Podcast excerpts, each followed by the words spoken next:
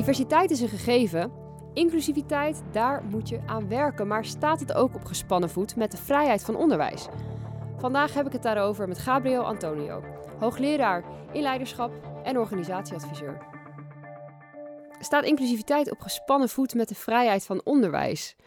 Daar uh, gaat dit seizoen best wel heel erg over. En ik vind het heel leuk om u vandaag te spreken, want uh, dit is het derde seizoen van podcast 23 over de vrijheid van onderwijs. En de eerste twee seizoenen is bij mij heel erg blijven hangen dat we juist hebben gezegd, joh, mogen er nog een paar bubbels in Nederland zijn ook? Is het niet hartstikke fijn dat er nog mensen zijn met een soort van eigen levensvisie, dat het op een eigen manier uitdragen, dat er geen eenheidsworst ontstaat? Laten we dat juist beschermen. Het is heel interessant om dan in dit seizoen inclusiviteit erbij te betrekken, wat bijna dan een vijand kan lijken van die conclusie, dat het goed is dat er bubbels tussen aanhalingstekens zijn. Uh, nou, ik vanmorgen meneer Borgman gesproken, Erik Borgman, die dat helemaal heeft, uh, die, die juist zegt van nee, ja, zonder, zonder bubbels is er juist geen inclusiviteit. Je hebt een eigen visie nodig waarvanuit je vervolgens een ander kan ontmoeten. Um, maar ik ben ook heel erg benieuwd wat gewoon het eerste is wat bij u opkomt als je de combinatie inclusiviteit en bijzonder onderwijs hoort. Ja, zijn een paar uh, gedachten. De eerste gedachte is dat het helemaal niet op gespannen voet hoeft te, staan. Uh, want ik begin maar even gewoon bij de mens en bij mezelf. Inclusiviteit kan gewoon een houding zijn. Waarin je open staat voor andere ideeën, open staat voor andere invalshoeken, andere mensen, andere achtergronden, andere keuzes, andere voorkeuren. En in die zin hoeft het niet op gespannen voet te staan. Het tweede is, kijk, mensen hebben ook een culturele identiteit of een religieuze identiteit. En dan wordt het ingewikkeld als het ook geïnstitutionaliseerd wordt. En dan krijg je toch in- en uitsluitingsmechanisme. Dan zie je wel dat uh, ja, de grenzen, dat er lijnen getrokken worden om die eigen identiteit af te schermen. En ik vind het ook, ook complex worden op het moment dat die opvattingen geïnstitutionaliseerd worden.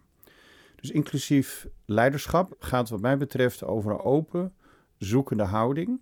Wetende dat je eigen opvattingen hebt en aan die opvattingen zijn ook morele oordelen verbonden. En het kan dus zijn dat je in dat morele oordeel iemand afwijst. Of een bepaald gedrag of een bepaalde opvatting afkeurt. En inclusiviteit is niet dat je volmaakt iedereen kunt omarmen, want ik denk dat dat onmogelijk is. Maar dat je je openstelt voor de ander en de dialoog zoekt. En de ander ook laat binnenkomen, het verhaal van de ander. En dat we er met elkaar voor waken dat het niet in, in te enge zin ook geïnstitutionaliseerd wordt, waarbij we onnodig mensen uitsluiten. Ja, dat is wel heel mooi wat je zegt, van dat je de inclusiviteit definieert, wat dat, wat dat voor u betekent. Want daar kom ik ook wel achter, het is best wel een containerbegrip. En, en is het inderdaad zeggen van, oh, maar ik vind alles even goed of zo. U zegt eigenlijk, nee, het, het hoeft niet te zijn dat je alles even goed vindt, maar dat je ruimte maakt voor alle verschillende manieren om het leven te leven. Of hoe ziet dat eruit in het onderwijs bijvoorbeeld? Ja, misschien zou ik dat het beste kunnen vertellen aan de hand van een kort verhaal. Want ik, meen zelf, van mezelf, dat ik vrij open ben. En ik heb met allerlei doelgroepen gewerkt. Verslaafden, mensen in de gevangenis, in de jeugdgevangenis. Met allerlei mensen van pluimage. Dus, dus de opvatting die ik had over mezelf, nou, ik ben best wel heel, heel erg ruim. En wat mij een paar jaar geleden overkwam, is, uh, ik ging met mijn zoon, ging ik een, poppetje, een pino kopen in een, uh, in een winkel. En ik liep nog wat verder, dat was een van de dorpjes hier in Friesland. Een Pino van Sesamstraat. Ja, de Pino van Sesamstraat. ja. is goed dat je het even zegt. Zo'n zo mooie blauwe pop. Uh, en, en, mijn zoon heeft autisme, een verstandelijke beperking. En hij verzamelt die poppetjes van Sesamstraat. Ja. En toen liepen we wat verder, kwamen bij een kringloopwinkel. En toen maakte hij het gebaar dat hij daar naar binnen wilde. Ik dacht, nou, één op één. Dus we hebben hier een planning, net als in het onderwijs. We gaan van A naar B. Dus we, we stappen hier naar binnen en we kijken bijvoorbeeld nog voor een badteentje of zo voor 50 cent. En dan heeft hij nog een dingetje voor in zijn hand, iets zachts, iets geels. Ja. Hij houdt ook van de kleur geel en dan uh, helemaal goed. Maar terwijl we die winkel binnenliepen, begon hij mijn hand te trekken en wilde hij naar iemand toe. En er stond een jonge dame met een hoofddoekje achter de kassa en hij wilde die naartoe. En ik dacht, we gaan niet naar Fatima toe. Want Fatima gaat dat niet leuk vinden. Want aan de moslima, daar ga je niet aan de handjes lopen friemelen. Um, Want dat doet jouw zoon graag, en dan de hand zoon. pakken. En ik dacht bij mezelf, we gaan ook niet gehandicapt lopen doen. Mm. Dus in een hele korte tijd, maar dat is achteraf geconstrueerd, had ik beelden, had ik meningen, had ik oordelen over de situatie. En ik ging nog iets verder in mijn denken. Ik denk, stel nou eens voor dat er ook een vriendje van haar, een Ahmed, in deze zaak werkt. Die gaat dat, hem, die gaat dat helemaal niet leuk vinden. Als een jonge man, mijn zoon uh, is, is over de twintig, een groot, grote mooie kerel uh, aan de handjes van Fatima gaat zitten. Want mijn zoon maakt altijd handencontact, gezien en gehoord worden. Hij kan niet praten.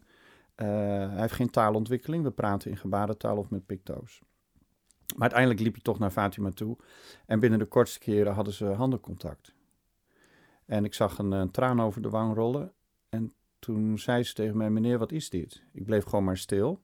Ik zei wel even: Als je dit niet wil, dan zeggen we stop. Ze zei: Nee, het is goed. En toen zei ze door haar tranen heen: Meneer, u moest dus weten. En toen stelde ik de diep wetenschappelijke vraag: Oh, we moeten dus wat vaker de O-vraag stellen. Oh, en toen zei ze: Ja, meneer, um, er is iets ergs gebeurd. Ik heb net op mijn telefoon een bericht binnengekregen dat mijn jongste broertje is overleden. In het uh, academisch ziekenhuis in Groningen, het UMCG. En ik voel me heel alleen en ik dacht, ja, wat moet ik nou doen? En ik zocht contact via mijn telefoon, maar iedereen is druk. En helemaal uit het niets, in deze drukke tijd, in deze kringloopwinkel, komt een jongen naar me toe om mij vast te houden. Mm. En ze ging een heel gesprek met hem aan. En ze zei daarbij, soms is het zo, meneer, dat God mensen leidt. En ik zei tegen haar, ja, als jij dat gelooft, dan is dat zo. En uh, een heel bijzonder gesprek. Uh, ik dacht op een gegeven moment, hoe ronden we dit ook een beetje netjes af? Want ja, het werk loopt ook door. En toen gaf mijn zoon met Pino uh, in de aanslag haar heel zachtjes een kusje. En toen zwaaide ze hem uit en toen zei ze, dag lieve jongen, dankjewel dat je me even vasthield. Dag broertje, goede reis. Zo. En dan loop ik naar buiten en dan heeft van alles mijn kompas ingekleurd, behalve God, als het al zou kunnen. Terwijl je dacht dat je zo open-minded was van jezelf. Dat bedoel ik. Ja. Dat bedoel ik. En, en dan kom ik thuis en dan zegt mijn vrouw en dochter, zegt, papa, het is maar goed hè, dat hij autistisch is, want wij durven dit niet. Hmm. Dus ik denk dat exclusief denken ook heel veel met angst te maken heeft. Angst voor het vreemde. Angst voor de reactie van de vreemdeling. Dat zeg je van jezelf ook, van dat je eigenlijk bang was... Ja toen je zo'n uh, buiten de lijntjes kleurde in de kringloopwinkel. Ja. En ik denk, als we dat vertalen naar het onderwijs, dat we allemaal wel dit soort situaties herkennen. Een, een, leerling waar iets mee is, of ouders in een bijzondere situatie, of die anders zijn, of uit een ander land, een andere cultuur komen, of zich anders uiten. En de kunst is dan om over die angst heen te stappen en de overvraag te stellen. Oh, dat is de vraag naar verwondering.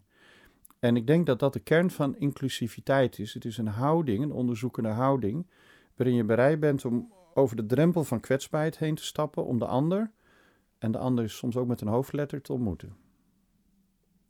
Ja, dat doet me denken aan wat Erik Borgman ook zei over dat je wel kan geloven, daar is op zich niks mis mee om te denken dat jij de juiste levensvisie hebt en uh, dat hoe jij het ziet beter is dan hoe de ander het ziet. Als je maar beseft dat hoe die ander het ziet wel net zo belangrijk is als jouw idee. En dat de persoon achter die andere visie net zo belangrijk is als jij.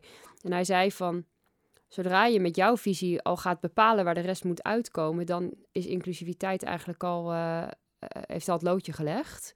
Want je moet met iemand die heel anders denkt dan jij samen gaan bepalen hoe het eruit gaat zien. En dat is inclusiviteit. Maar hoe, hebt, heeft, hoe ervaart u dat in, in het, uh, nou, eh, inclusief leiderschap en al deze dingen waar je veel met mensen over praat, in de politiek. Eh, eh, heb je gesprekken met mensen in het onderwijs hierover? Ja, zeker. En je zegt angst is misschien wel de grootste vijand hiervan, als ik je zo hoor. Kan je dat, kan je dat oplossen? Want dat is super persoonlijk. Je kan niet. Iedereen is bang. Ja, er zijn denk ik drie dingen die uh, ons, ons bepalen, onze kernovertuiging bepalen. Het, het is ons denken. We hebben beelden, denken, ervaringen. Ik ben een keer met mijn zoon een winkel uitgestuurd, echt letterlijk uitgejaagd, uh, omdat we allebei een beetje bruine kleur hebben. En omdat niet zo lang daarvoor zij die vrouw een aantal zigeuners uh, hadden gestolen in de winkel. Mm. Uh, en wij herinnerden haar aan dat trauma, dus wij moesten vooral heel snel wegwezen uit die kledingzaak. Hoe was dat voor u? Ja, heel naar, heel vervelend. Ja. Wat, vond u, er, wat vond u er vervelend aan? ja, dat je zo in een categorie gestopt wordt. En, en ik probeerde met haar in gesprek te komen, maar dat lukte niet. Dus, dus um, we hebben soms beelden, gebeurtenissen. Gebeurtenissen uh, maken soms dat we iemand eng of uh, niet willen toelaten. En natuurlijk emoties. En dat is een soort cirkel in elkaar. Dus denken roept emoties op en emoties bepalen weer ons gedrag, waardoor we in gebeurtenissen bepaalde patronen zien of patronen zich herhalen. Nu, als je het hebt over inclusiviteit, moeten we misschien beginnen met de gebeurtenis. Want het is heel moeilijk om je denken te veranderen. En je emoties kun je ook maar niet zo, zomaar stilzetten. En dan is de gebeurtenis de ontmoeting van de ander. Ik zou niet zo ver willen gaan dat ik moet zeggen, nou wat die ander gelooft of denkt is net zoveel waard als ik. Of is net zo belangrijk als ik.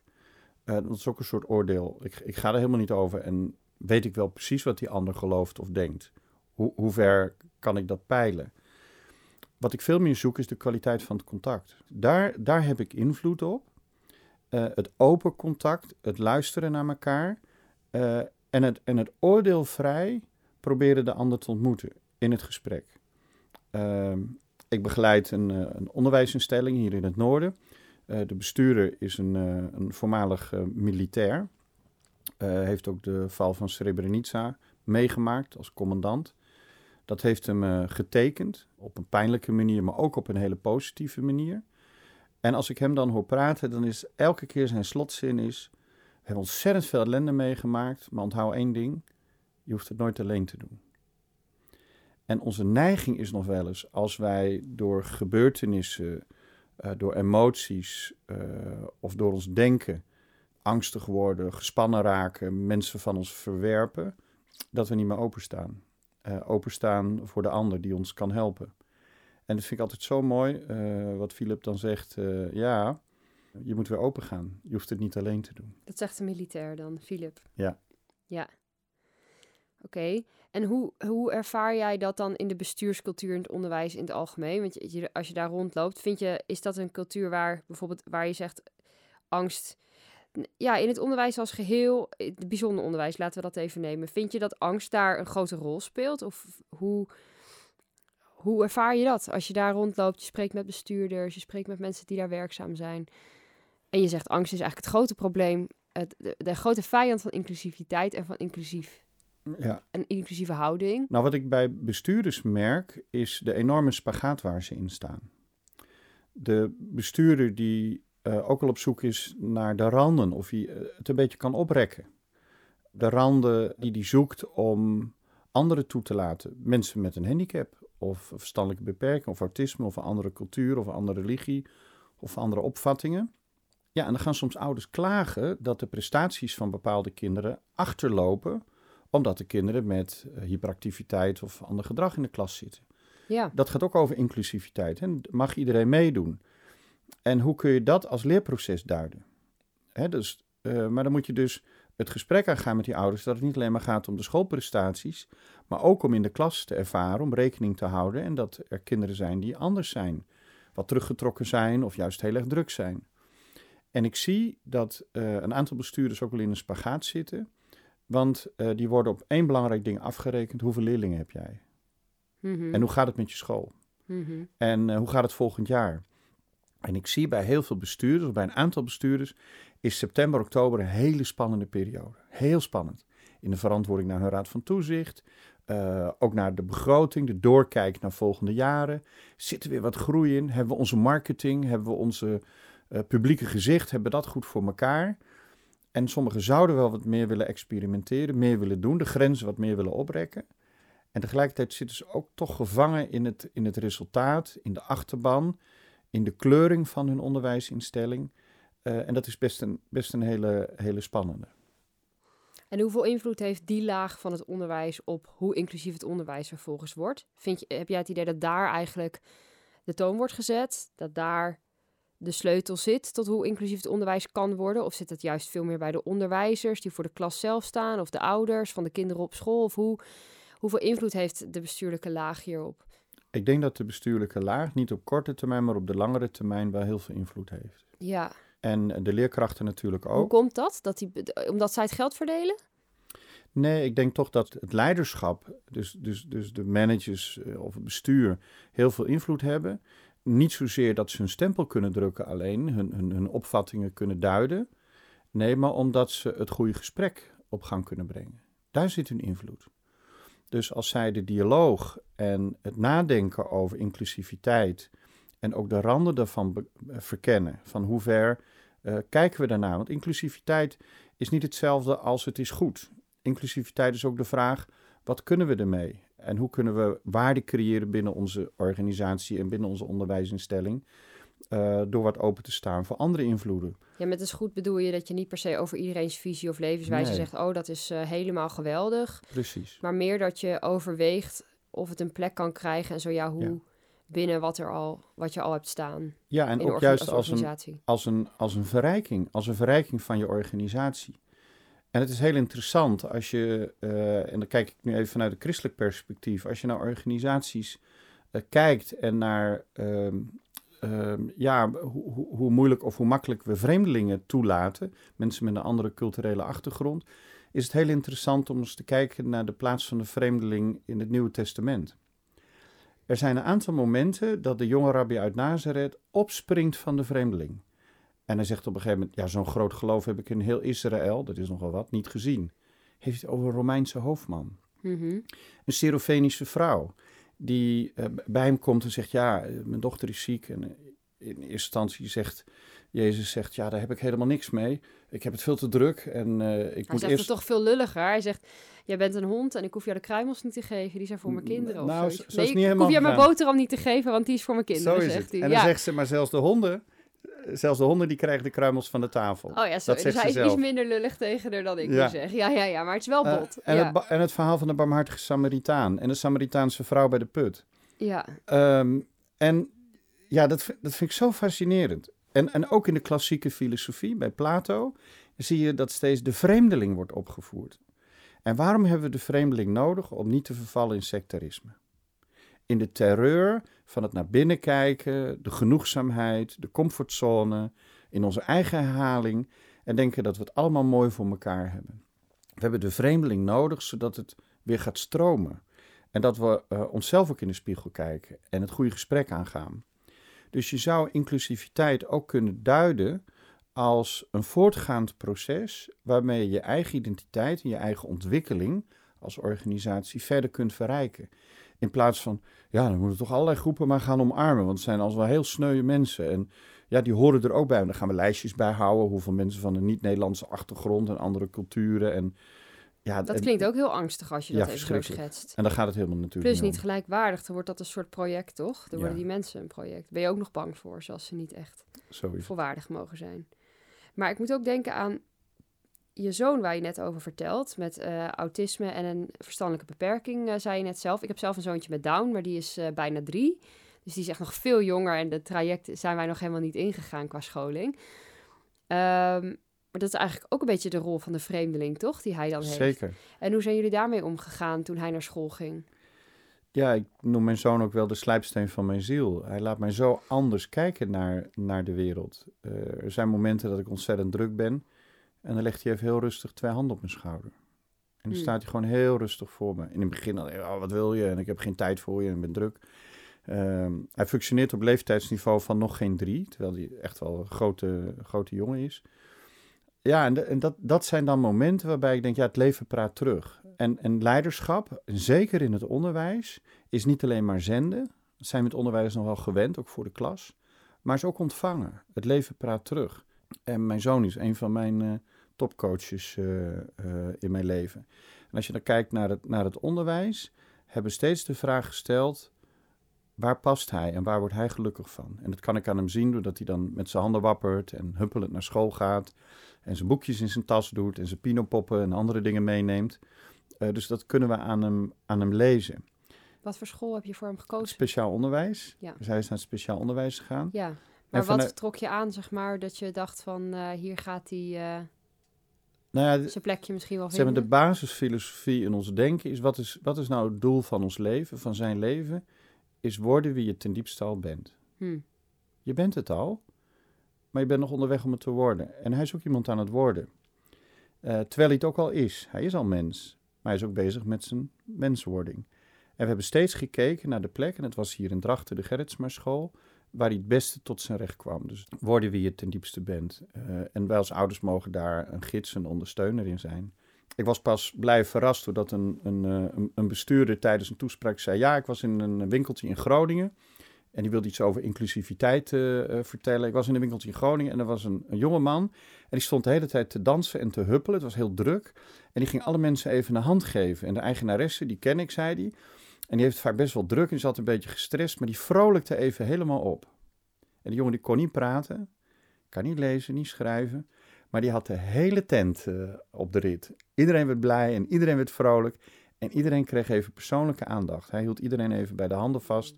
En hij ging met de eigenaresse dansen. En toen wees hij, en toen zag hij mij in de zaal zitten. En dat is de zoon van die meneer. En toen zei hij, jouw zoon zal nooit misschien gaan werken of een baan hebben om geld te verdienen. Maar hij heeft een andere taak in dit leven. Worden wie je ten diepste bent. En daarin de betekenis zoeken en vinden. Ja, en ik moet twee dingen denken als ik naar je zit te luisteren. Ik zit uh, hartstikke uh, te genieten van je verhalen die je deelt. En er komen ook twee vragen bij me op. Eerst was al eerder wat je zei over vreemdelingen die ons uit onze een beetje tunnelvisie trekken en ons eigen universum. Dat is een beetje een ondankbare taak voor de vreemdelingen ook. Dat jij toch eigenlijk ergens ook de ontregelaar moet zijn. Mensen zitten er niet op te wachten. Dus, dus dat is ook wel een soort oneerlijk of zo in inclusief onderwijs. Dat degene die dan als minderheid noodzakelijk de boel komt ontregelen of, of mensen een beetje uit hun uh, stramien trekt, wat we allemaal nodig hebben. Dat is niet een dankbare taak om uh, te hebben. Ik heb het idee dat de laatste tijd in de maatschappij veel debatten zijn over hoe we die mensen wat makkelijker kunnen maken. De ontregelaars, de, de mensen die wat minder passen en daardoor anderen uit hun evenwicht kunnen brengen. Uh, die moeten we het makkelijk maken. Maar ja. denk je dat het, dat het bedoeld is om makkelijk te zijn, zo'n rol? En hoe kijk je daarnaar? Ja, de vreemdeling staat natuurlijk ook in de filosofie tegenover de sofist. De sofist die, die, die zegt, het gaat niet om de waarheid, maar het gaat om positie en gelijk krijgen. Winnen gewoon. Gewoon, ga ja. ervoor en, uh, en winnen. En, en de vreemdeling, die, die staat in verwondering. Die kijkt naar een situatie en die zegt, oh, oh, werkt dat hier zo? En dat zie je natuurlijk ook in het onderwijs, uh, dat op het moment dat je andere groepen mensen toelaat ja, dan kun je natuurlijk zeggen van, uh, ja, die, die, die mensen zijn de verandermotor. Nou, het gaat wat verder. Als het goed is, raken die mensen ook de vreemdeling in jou aan. We hebben allemaal wel een stuk in onszelf wat ergens wat rebelleert of wat dwars denkt of af en toe eens uit de band wil springen of zegt van kan het niet een keer helemaal anders? Kunnen we het niet een keer op een hele creatieve manier?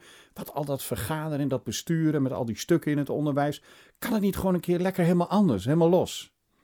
Nou, die vreemdeling in onszelf, dat is misschien een van de tafelheren die we in ons innerlijk gesprek wel hebben, eh, die zouden misschien wat meer stem kunnen geven. En die, en die formele vreemdeling van buiten, die kan ook die vreemdeling in ons aansteken. En meer stem geven. En inclusief leiderschap gaat dus niet alleen over het gesprek met de ander, maar ook over jouw eigen innerlijke gesprek. En of je die kant wat meer zou willen toelaten. In het kader van corona zat ik het boek van Anne Frank ook weer eens te bestuderen. Het is toch prachtig wat ze schrijft op 14-jarige leeftijd. En zij zegt op een gegeven moment: Ja, ik heb, ik heb een hele lollige en grappige kant. En die willen mensen vaak zien. Maar ik heb ook een hele andere kant. Een hele beschouwende, reflecterende kant. Maar ja, die kan ik niet zo vaak laten zien, al zou ik dat willen. Ach, zou ik maar wat meer mezelf kunnen zijn. En misschien zouden wij zelf die kant van die vreemdeling, de positieve rebel, de prettige ontregelaar, of misschien wel eens de creatieve clown, of doe eens even gek of doe eens even anders. Af en toe wat meer ruimte mogen geven. En, en wat zou het mooi zijn als we op dat stuk ook de vreemdeling een hand kunnen geven en zeggen: wij zijn eigenlijk allemaal vreemdelingen. Hmm. Ja, en als je dan kijkt naar alles wat jij ziet gebeuren in het onderwijs, is daar dan ruimte voor? En heb je een verhaal waarvan je zegt: daar is echt falikant mislukt? Of nee, daar heb ik het echt zien gebeuren en dat zag er zo uit? Ik zie heel veel goeds in het onderwijs. Uh, om te beginnen. En wat ik in het onderwijs zie, is amor fati, liefde voor het leven. Want waar gaat onderwijs over? Het gaat over het leven. Nou, het gaat toch eigenlijk over resultaten halen? Dat, dat lijkt een beetje het probleem te zijn. Nou, primair gaat het over het leven. En wat ik zie bij heel veel bestuurders en bij heel veel leerkrachten, heel veel mensen, is dat ze liefde hebben voor het leven. Dat, dat uitzicht in hun vak, in hun passie voor hun vak. En uiteindelijk levert het ook resultaat op. Maar waar ik het mis zie gaan is dat het omgekeerd is. Dat de liefde voor het leven verstilt of verdwijnt. Uh, en dat het resultaat voorop komt te staan. En ik zie dat in het hoger onderwijs, in het HBO, universitair onderwijs, op meerdere plekken gebeuren.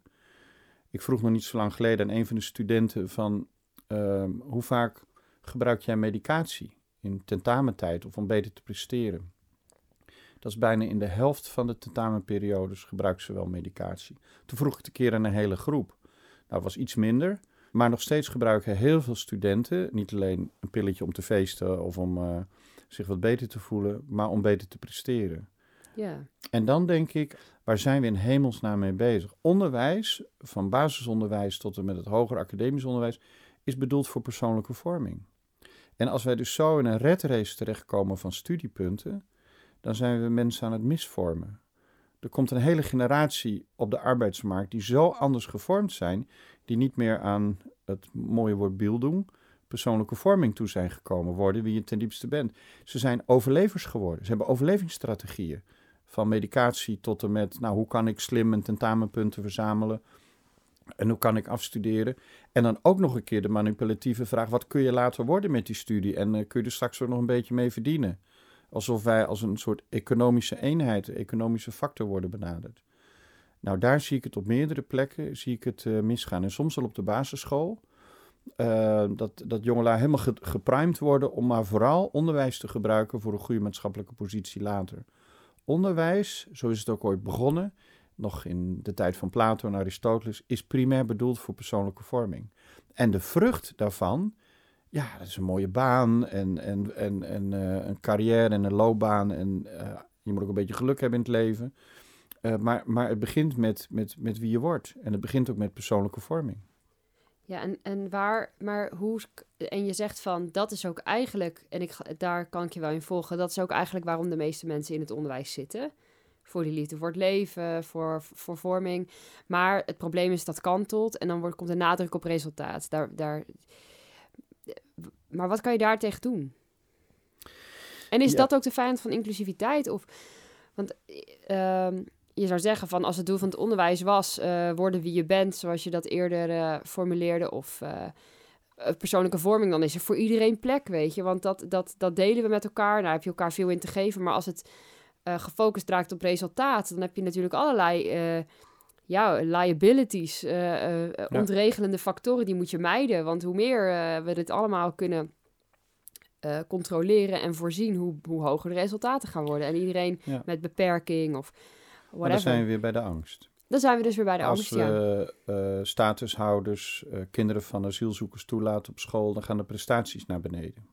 Dat Ja. idee. Ja, of, in of, plaats of, van- Of, of jou en mijn, of mijn kind. Kijk, ik zeg ook vaak, mijn kind gaat maar lekker naar speciaal, want eh, ik wil graag een inclusieve samenleving, maar niet op zijn rekening.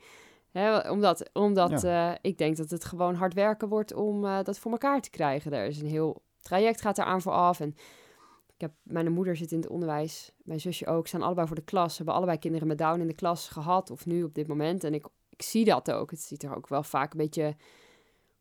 Iedereen doet zijn best, maar het is niet... Het gaat niet op in het geheel per se.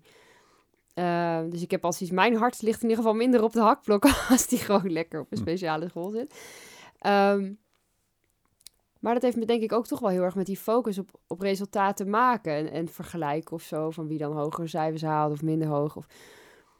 Kijk, ja, wat jij zegt klinkt heel mooi, maar hoe, hoe, hoe geef, geef je het vorm in de dagelijkse praktijk? Wie, wie kan daar meer ruimte... Want ik denk dat docenten allemaal zouden zeggen, ja, heel graag, alsjeblieft, ik zou niks liever willen dan hier meer ruimte voor hebben. Maar waar, waar zit de macht, Ja, zeg maar? Kijk, er zijn natuurlijk in ons werk allerlei tegenstrijdige belangen, waardeoriëntaties en ook wel tegenstrijdige emoties. Natuurlijk wil je in de toetsenresultaten de beste docent zijn. En je wil gewoon een topklas hebben die het gewoon hartstikke goed doet. Uh, met sporten, met rekenen, met taal, met allerlei vaardigheden. En ook nog dat je een goede sfeer hebt. En tegelijkertijd wil je dat iedereen meekomt. En wil je aandacht besteden aan iedereen op een passende manier. Um, en, en, en er zitten dus allerlei, uh, allerlei spanningen. Nu, ik voel mij heel erg thuis qua oplossingsrichting bij het eerste hoofdstuk uit Ethica van Aristoteles. En dat is het optimale midden, de matigheid. En hoe komen we nou uit die, die ingewikkelde dichotomie, die tegenstelling tussen bijvoorbeeld het goed hebben met elkaar, inclusief, en een prestatie leveren? Daar moet je dus het optimale midden in zoeken. En leiderschap in het onderwijs in deze tijd gaat steeds over de juiste tuning, de juiste afstemming op dat optimale midden. Dus je kan aan de ene kant zeggen, de school moet weer lekker vol zijn en in oktober, de pijldatum, dan willen we gewoon zoveel leerlingen hebben, dan moet het voor elkaar zijn. En tegelijkertijd zeg je, ja, we willen ook die inclusieve school zijn, dat ook die bijzondere kinderen uit deze omgeving hier een plek hebben. En ja, dat kost misschien een paar leerlingen en een paar ouders die denken, nou dan sturen we onze kinderen niet meer naar die school. Nou, daarin het, het midden zoeken. Wat is uit het midden is dat als je overdrijft. Dat als je de hele dag roept, we zijn een inclusieve school en dat je heel veel aandacht geeft aan inclusiviteit, dan wordt het misschien bijna weer exclusief. Als je overdrijft in je inclusiviteit, zou Aristoteles zeggen, dan wordt het weer exclusief. Dan sluit je weer heel veel mensen uit. Die niet zo'n zin hebben in de hele dag over inclusiviteit. Zo is dat. Dus de matigheid, het optimale midden, dat is denk ik het leiderschap van deze tijd. En, en bestuurders, die, zijn, eh, die zouden als geen ander vaardig moeten zijn in het zoeken naar het optimale midden. Dat betekent dat ze hun eigen innerlijke kompas goed op orde moeten hebben. En het tweede is wat ze moeten doen, is regelmatig de tegenspraak, de vreemdeling, de dialoog organiseren. En dan zie je ook dat waardeoriëntaties ook wel wat kunnen opschuiven. Dat je in de tijd ook wat oprekt, dat je wat makkelijker wordt, dat je wat toegefelijker wordt. En soms zeg je, we zijn doorgeschoten. Ja, hou nou even op. We, we, we draaien hem nu terug, want nu, nu, is het, nu, nu is het genoeg. We zijn nu te veel met inclusiviteit bezig. En het wordt een, een, een, ding en een project op zich, waardoor allerlei mensen zich ongelukkig gaan voelen. Inclusief de groepen waarvan we zeggen, daar doen we het juist voor. En hoe uh, vinden de angst en het uh, optimale midden elkaar? Hoe, uh, hoe, gaat die, hoe ziet die wals eruit? Omdat je dat net angst, noemt als de vijand, vijand eigenlijk van inclusiviteit. En het optimale ja. midden misschien wel als de weg naar inclusiviteit. Ja, kijk, het interessante is dat zoiets als angst, dat is vaak de brandstof voor de overdrijving. Als de professional bang wordt en die zegt, oh, dan heb ik veel te veel leerlingen in de klas, ik noem maar wat. Nou gaat het onderwijs en de kwaliteit eraan. Dat kan, maar het hoeft niet. Hè? Dus, dus, de, dus de angst die jaagt ons op in die dingen waar we heel goed in zijn en denken, oh dan stort alles in elkaar. De manager die denkt, wow, nou hebben we straks veel te veel, we kunnen het niet meer wegplannen, we kunnen het niet meer roosteren. En degene die van de sfeer en de identiteit is, die zegt, ja, met zoveel leerlingen en zoveel diversiteit, nou, dat wordt ook een grijs uh, rommeltje. Dan zijn we straks onze katholieke of protestantse identiteit of een andere identiteit, zijn we straks uh, helemaal kwijt. En wat, wat dus helpt, is niet om die angst maar, maar, maar weg te duwen, maar die moeten we soms een beetje ontdoen van zijn scherpe randjes. Wordt het dan van alles niet net niks? Ik bedoel, bijzonder onderwijs is er toch ook juist voor kleur en voor statement en voor uh, af, een beetje, een beetje, nou misschien zelfs een beetje afzetten. In elk geval anders zijn. Nou, ik begeleid nu een, uh, een, een, organisatie met een, uh, een katholieke uh, scholengroep van ruim 30 scholen. En we zijn heel duidelijk met elkaar in gesprek over wat die identiteit betekent en hoe je dat handen en voeten geeft. En hoe bijzonder en zelfs hoe exclusief en hoe mooi dat is. Maar wat je tegenwoordig ook ziet, dat ook op zo'n katholieke school er mensen van allerlei pluimage lesgeven. Vanuit allerlei achtergronden en allerlei opvattingen. Ze onderschrijven wel uh, de grondbeginselen en het idee, maar ze geven daar een hele eigen inkleuring uh, aan. Nou, en ik, en ik denk dat uh, met het goede gesprek en het, en het duiden van die identiteit, het helemaal niet een soort grijze massa hoeft te worden, maar dat je juist daarin je identiteit kunt versterken. Want hoe geef je identiteit vorm? Dat zit altijd in het narratief, in het verhaal. Er zijn wel organisaties uh, die zich proberen te identificeren met dit zijn onze kernwaarden krijg je zo'n mooi eh, rijtje. En als je het aan de gemiddelde medewerker vraagt, wat, wat zijn jullie kernwaarden? Dan moeten ze heel hard nadenken om dat rijtje op te sommen. Dus het is gewoon, wat ik noem, in Suriname noemen ze dat zwaaipapier. Dat is gewoon papier om, als het warm is, om je een beetje verkoeling te geven. Maar, maar je leest het helemaal niet. Het is gewoon zwaaipapier. Ja, ja, ja, ja. ja. Uh, of wapperpapier.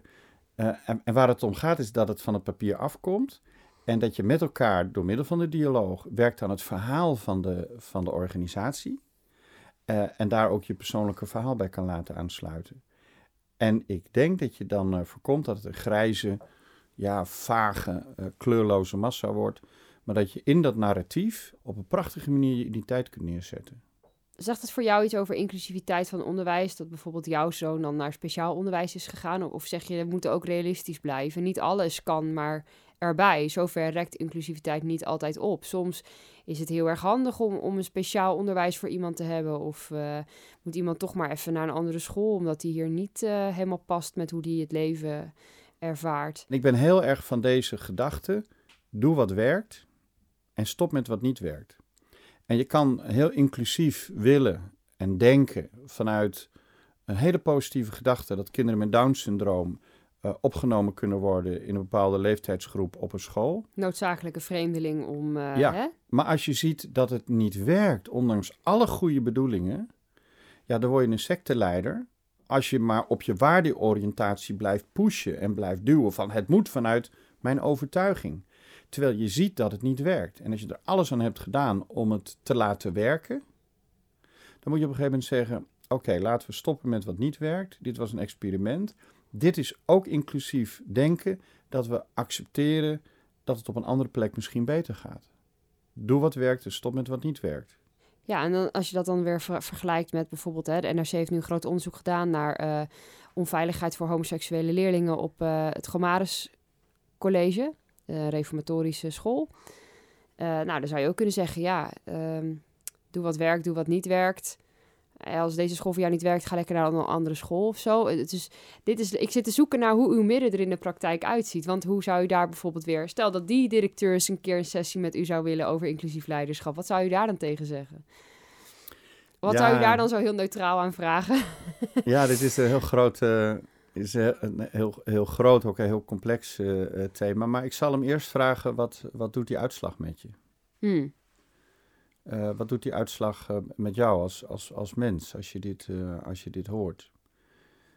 en ik vermoed ook dat die bestuurder zal zeggen: dit is, dit is pijnlijk. Dit is pijnlijk dat, los van de achtergrond en opvattingen en hoe je ook naar homoseksualiteit kijkt, dat leerlingen, mensen, misschien ook ouders, zich hier niet thuis voelen, niet veilig voelen. Kijk, ons, ons mens zijn, we leven ook in een gebroken wereld en het is ook een beetje behelpen. Maar hoeveel ruimte geven we aan dat, dat, dat behelpen, dat, dat stuntelen? Dat we niet allemaal hetzelfde zijn, ook niet allemaal volmaakt zijn. Uh, hoeveel, ruimte durven we daaraan, uh, hoeveel ruimte durven we daaraan te geven? U bedoelt eh, bijvoorbeeld als samenleving aan zo'n college. Hoeveel ruimte hebben we voor hun zoektocht ja. naar, in een veranderende wereld? Ja.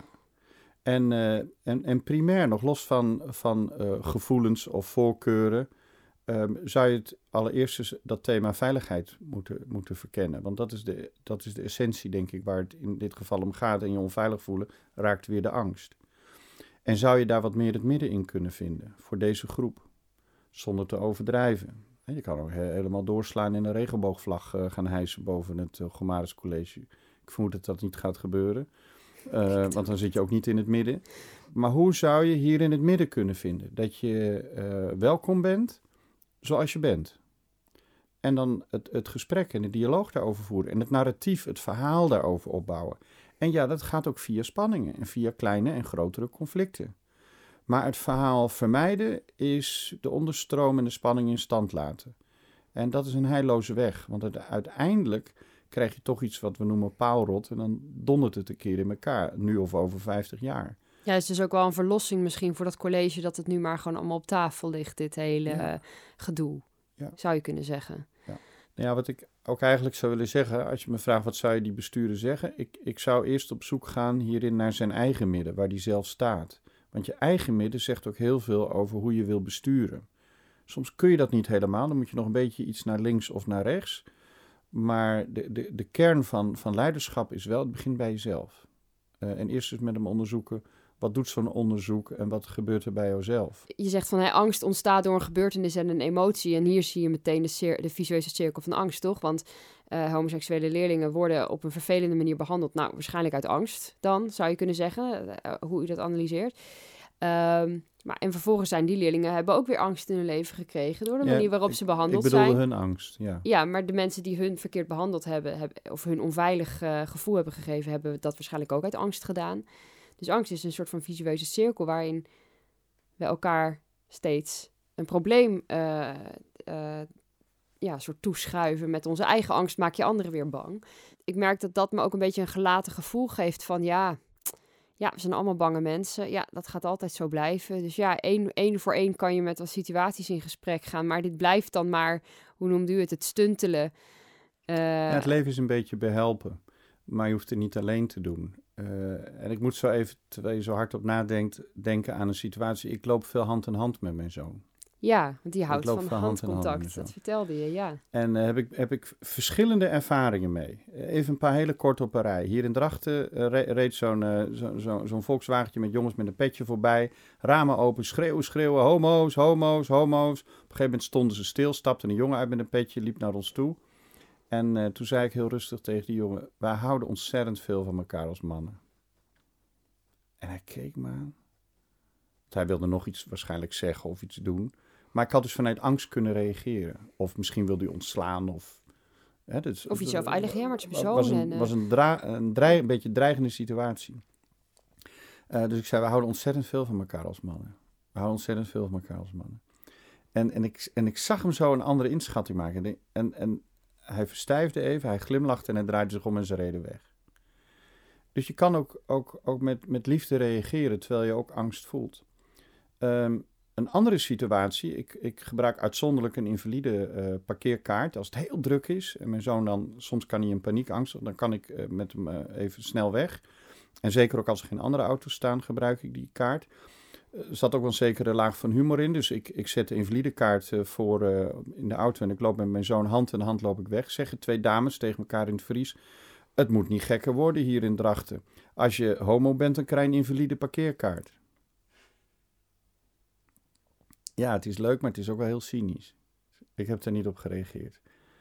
Ehm, hoe benaderen we elkaar? We zijn zo snel met oordelen. En ik noemde net al even de ander met een hoofdletter. Uh, dat komt bij het gedachtegoed van Emmanuel Levinas vandaan. De filosofie van de ander. En Emmanuel Levinas die weet als geen ander wat het wil zeggen om als categorie benaderd te worden. Tweede Wereldoorlog meegemaakt, Jodenster. En in zijn filosofie, Joodse denken en, en, en filosofie, komt hij op een gegeven moment tot de slotsom: ja, op de een of andere manier is, is, is God is wel heel ver weg. Maar wat ik nog kan zien is een soort blauwdruk van hem, een soort afdruk. En dat is de ander, mijn medemens. Een oneindig en eeuwig verhaal is de ander. En moet ik niet de ander benaderen zonder oordeel, of in ieder geval mijn oordeel uitstellen? En dat is wat in deze drie situaties gebeurt. Je wordt beoordeeld, je wordt benaderd en er is gelijk een interventie. En er is geen overvraag meer. Er is geen uitnodigende vraag meer om op verhaal te komen. En naarmate onze relaties in het onderwijs en in de samenleving onder druk komen te staan, zullen we steeds harder en sneller elkaar oordelen. Op het moment dat we weer kunnen vertragen en de ander met een hoofdletter kunnen zien in de ander, en weer wat vaker de overvraag stellen en tijd nemen voor het onderzoek en voor de verkenning, dat gaat dus over de kwaliteit van het contact, zal de inclusiviteit toenemen. En hoe gaan we daar ruimte voor creëren? Nou ja, te beginnen bij jezelf. Te beginnen bij jezelf. Ik moet er zelf ruimte voor creëren, reflecteren. Ik moet regelmatig in de spiegel kijken. Ik probeer met anderen te spiegelen. Ik probeer de verhalen, onder andere van mijn zoon, ook uh, te delen. Uh, en ik probeer ook in onderwijs, in coaching, daarin te investeren. En ik denk dat wij in allerlei publieke organisaties, in bijzonder het onderwijs, een leiderschap nodig hebben die de, de, de dialoog uh, in de groei en in de ontwikkeling van ons inclusieve denken gaat bevorderen. Uh, en anders gaan we dat niet halen met elkaar. Maar ik ben heel hoopvol. Ik ben een heel positief mens. Bij mij is niet alleen het glas half vol, maar we weten ook waar de kraan is. bij de ander met de hoofdletter. Dat is hem. Ja, en um, ik ben nog wel benieuwd of je daar nog een specifieke rol voor ziet in het bijzonder onderwijs. De mensen die gebruik maken van artikel 23 en, en uh, de vrijheid van onderwijs. Zo, heb, zie je daar nog een specifieke rol voor weggelegd in wat je net zegt? Nou, de vrijheid van onderwijs vind ik een heel groot goed. Uh, ook verbonden aan regionale, lokale of historische identiteit. Uh, en die is ook nodig om het gesprek met elkaar te voeren. Zo hebben wij als individu, als personen ook een identiteit. We hebben ook onze eigen overtuiging, ons eigen narratief. We hebben zelfs een eigen theorie waarom we zijn zoals we zijn. Uh, soms heel expliciet, ons eigen verhaal, soms impliciet. En dat heb je ook nodig om de ander te ontmoeten. Ja, mijn oproep aan het bijzondere onderwijs zou zijn: versterk vooral je identiteit, maar zorg dat je geen secte wordt dat je naar binnen keert, dat je vanuit je eigen overtuiging, je eigen subdoelgroep of doelgroepen je naar binnen keert, maar zorg altijd dat het stroomt. Dus nodig regelmatig de vreemdeling uit, de ouder, iemand met een andere achtergrond, iemand met een andere identiteit, iemand met een andere kleuring. En zorg dat dat gesprek open blijft en je zult zien dat er ook heel wat vreemdelingen rondlopen die zich misschien in eerste instantie niet zo openbaren. En dan, uh, dan hou je het stromend en dan hou je het, uh, hou je het ook gaande. Ik denk dat wat we moeten doen is wat minder organiseren in het onderwijs en meer zoeken naar de goede energie en zorgen dat er een beweging op gang komt. En die beweging is er ook op heel veel plekken, maar die kan nog wel wat verder versterkt worden. En de sleutel daarvan is het leiderschap in het onderwijs. En die zijn weer afhankelijk van de politiek. Een beetje. Maar ik zeg zelf, ook als onderwijzer, ik, ik geef colleges, ik sta vaak voor de klas. Er is hier beleid, er zijn hier kaders. Maar deze twee uur met deze prachtige mooie jonge mensen, en dan zitten er 30 of 50 tegenover me, die is helemaal van ons. De deur is dicht en wij bepalen hier wat er nu gebeurt. En natuurlijk moet je je aan je literatuur houden en aan je eindtermen houden. En, maar hoe je dat met elkaar doet, en de inkleuring en de invulling, hoe je met elkaar omgaat, het gesprek voert, de stof behandelt, ja, dat is aan jou en, uh, en de groep. En, en ik denk dat die invloed moet je ook gewoon blijven pakken, ook in het onderwijs, ook in het primaire proces, maar ook als bestuurder. Uh, ik, ik, ik vind ook dat we een soort, soort vriendelijk anarchisme nodig hebben in het, uh, in het onderwijs.